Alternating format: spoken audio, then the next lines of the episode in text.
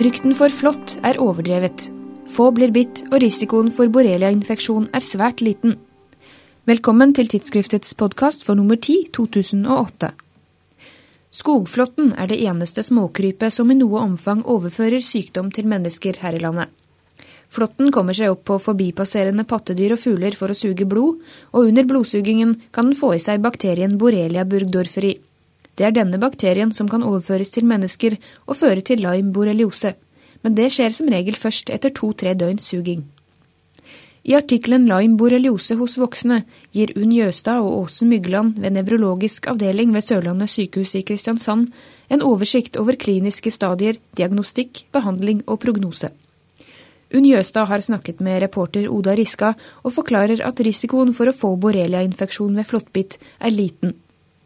Ja, det er vanskelig å si eksakte tall for risikoen eh, for borreliainfeksjon, men i en undersøkelse fra et eh, svensk høyendemisk område fant man 4 eh, risiko for å bli bitt av flått per ti timer utendørs, og en halv prosent risiko for å få borreliainfeksjon per flåttbitt. Hvor i Norge er flått og Lyme-borreliose vanligst? I Norge er flått og borreliainfeksjoner utbredt i et belte langs kysten fra Østfold til Nordland, men det er høyest forekomst i Agder-fylkene og Telemark. I hvilke stadier deles Lyme-borreliose, og hva er det kliniske bildet for de forskjellige stadiene?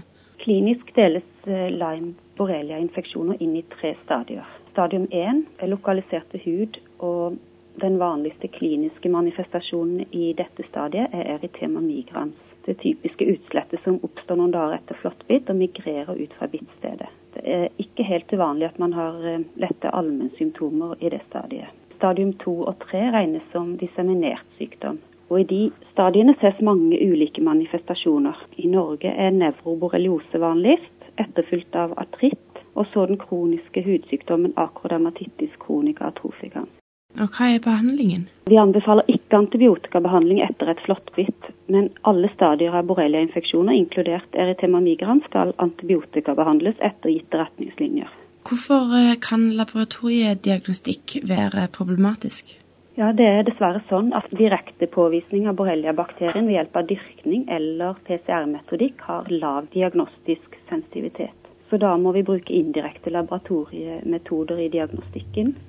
Og spesifikk antistoffpåvisning ved hjelp av ELISA-metoder er mest brukt.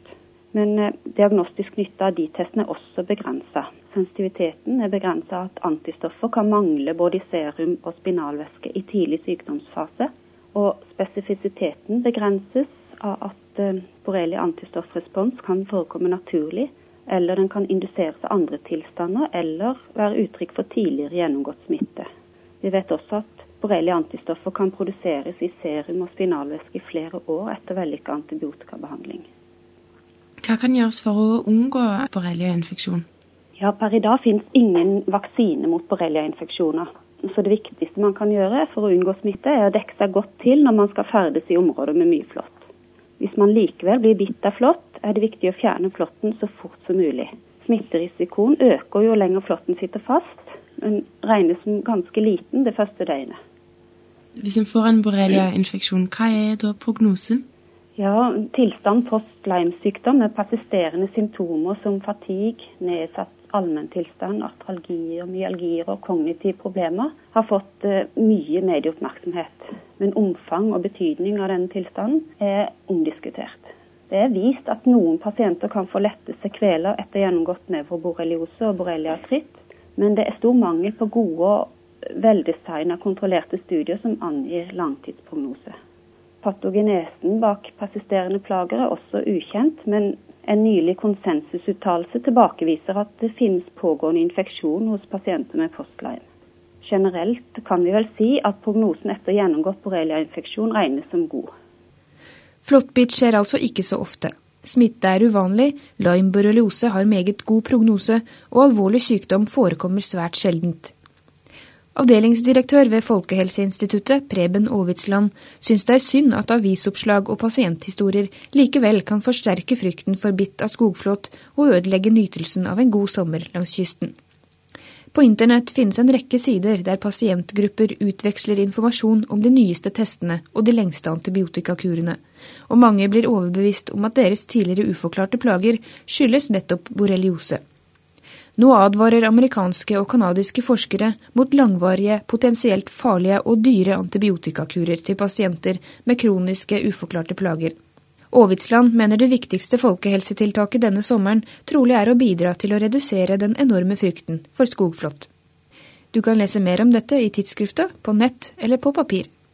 Takk for at du hørte på tidsskriftets podkast.